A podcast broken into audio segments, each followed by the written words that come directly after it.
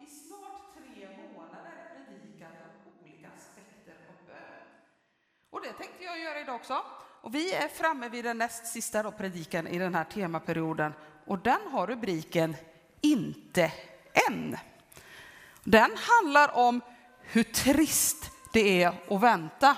Ungefär som ni snart kommer tänka att ni måste vänta på att ni ska få sjunga igen. Ty, typ det. Eller ja, vi, vi kommer mer på andra saker man kan vänta på. Men i det här fallet så handlar det om att vänta på svar på bön. Eh, och så ska jag predika om någonting som jag tror alla föräldrar här ute gillar. Det är nämligen att, att tjata. Eh, eller jag vet inte, fast om det är de som tjatar, då kanske ni inte gillar det. Jag vet inte, det finns olika aspekter på det där med tjata. Men vet ni vad?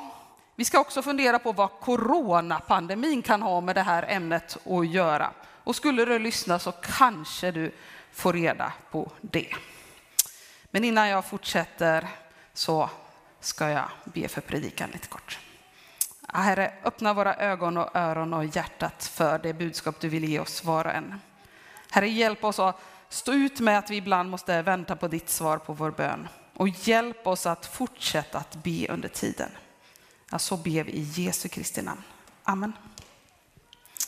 I Bibeln finns det en bok som heter Lukas evangeliet. Den har ett kapitel som heter 18. Den har många andra kapitel också. Men i det 18 kapitlet så finns det en berättelse om en änka och en domare.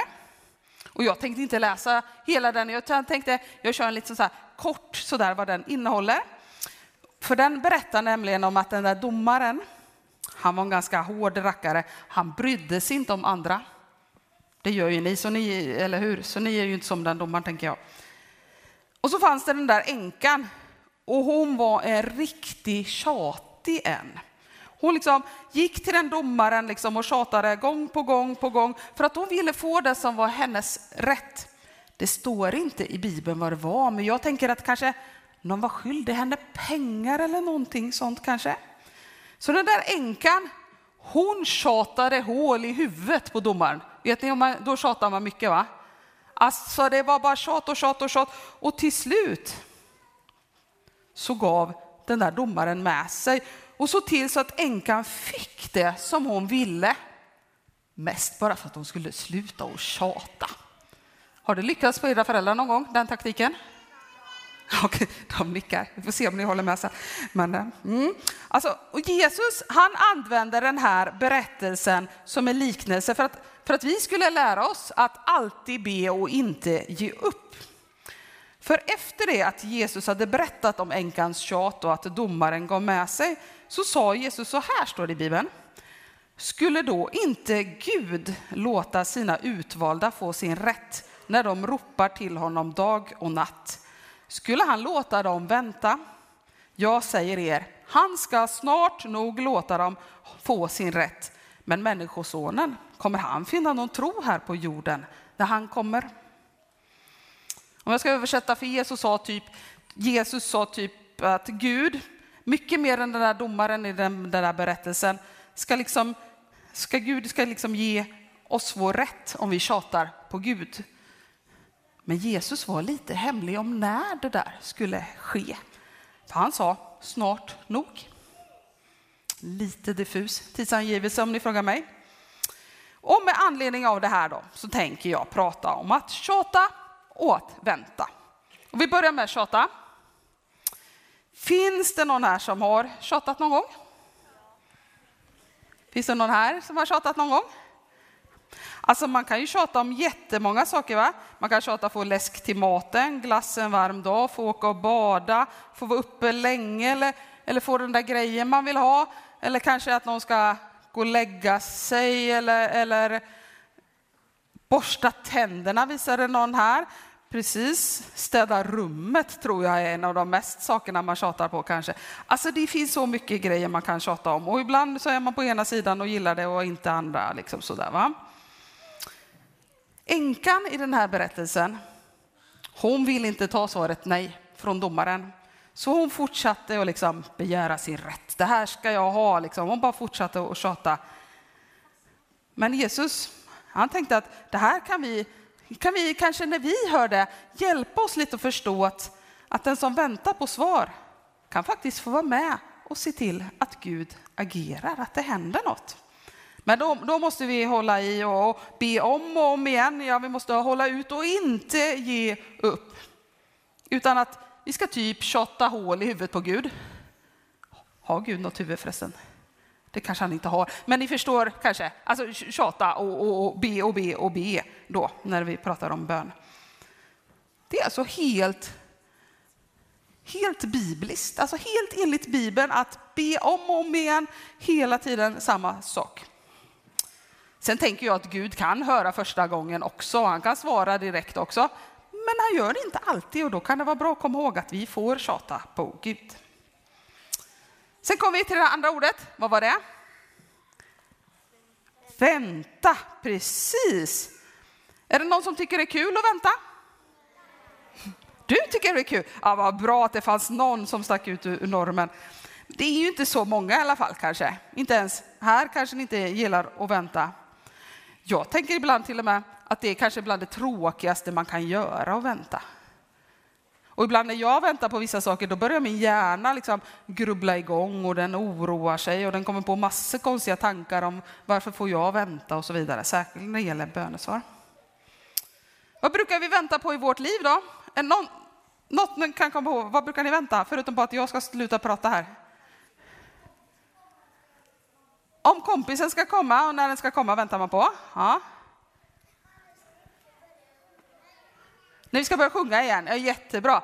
Alltså jag har jättemånga grejer, alltså vi väntar på bussen och på tomten och på tid på operation och att det snart är mat och att kompisen ska ringa eller komma.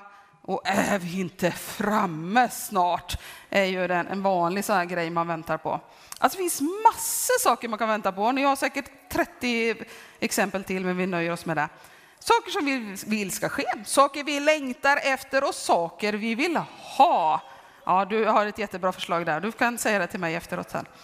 När det gäller bön så vill ju dock Jesus att vi ska komma ihåg och tro att snart nog så ska vi få svar. Så om ni börjar be här liksom så nu och att jag ska snart sluta prata så kanske ni snart nog får svar. Vem, vem vet? Men under tiden så ska vi alltså be, var ju viktigt från Jesus att han sa. Eh, men jag vet inte, bara för att vi vet att Jesus tycker det, blir det enklare att vänta för det? Kanske inte. I en bok i Bibeln som heter Predikaren står att allting har sin tid. Men Gud, hur räknar han egentligen? Jag hittade ett ställe i Bibeln i en bok som heter Andra Petrusbrevet. Lyssna vad det står där. Men en sak får ni inte glömma, mina kära. För Herren är en dag som tusen år och tusen år som en dag. Det är inte som många menar att Herren är sen med att uppfylla sitt löfte. Han dröjer för er skull. Alltså, jag trodde att en dag var en dag och tusen år var tusen år, men, men vad vet jag, Gud är ju större än mig. Det är ju lite, kon eller kanske inte så konstigt i alla fall då att vi får vänta ibland om Gud räknar så konstigt. Men även om vi nu då medan vi väntar tjatar på Gud i bön och vi håller i och så ber vi och så ber vi, så finns det en liten risk att vi kanske då börjar tro att Gud kanske inte hör vår bön. I Bibeln finns det en annan som har skrivit en bok. Han har ett jätteroligt namn. Han heter Habakuk. Ja, Habakuk, det kan ni öva på. En profet. Han har en bibelbok i det första kapitlet, vers 2. Där, så, så står det att han ber, hur länge Herre ska jag ropa utan att du lyssnar? För han undrade hur länge han skulle behöva tjata på Gud för att Gud skulle liksom gripa in i den situationen som Habakuk var i. Han ville att Gud skulle agera, men han märkte liksom inget svar från Gud och, och då trodde han att Gud inte lyssnade.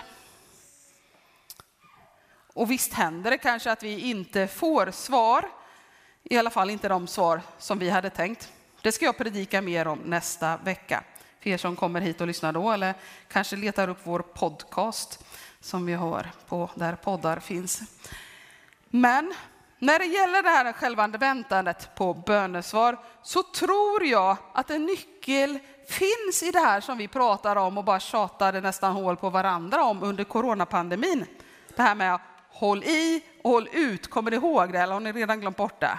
Håll i och håll ut, det skulle vi göra hela tiden. Och det ska vi göra, vi ska hålla i och hålla ut i vår bön. Men en jättestor skillnad här mot coronapandemin det är vi ska inte hålla avstånd. Kom ihåg det. Inte hålla avstånd när vi pratar om Gud, för vi ska sökas närmare Gud. Alltså, när vi upplever att vi inte får svar på våra böner så är ett jättebra tips. Sök dig ännu närmare Gud. Fortsätt att tjata på honom. Låt honom få höra vad du vill och vad du längtar efter om och om igen. Så ge inte upp. Håll i, håll ut och håll er nära så ska du snart få din rätt. Det har Jesus lovat. Amen. Nu är det dags för er igen att sjunga. Vad bra va?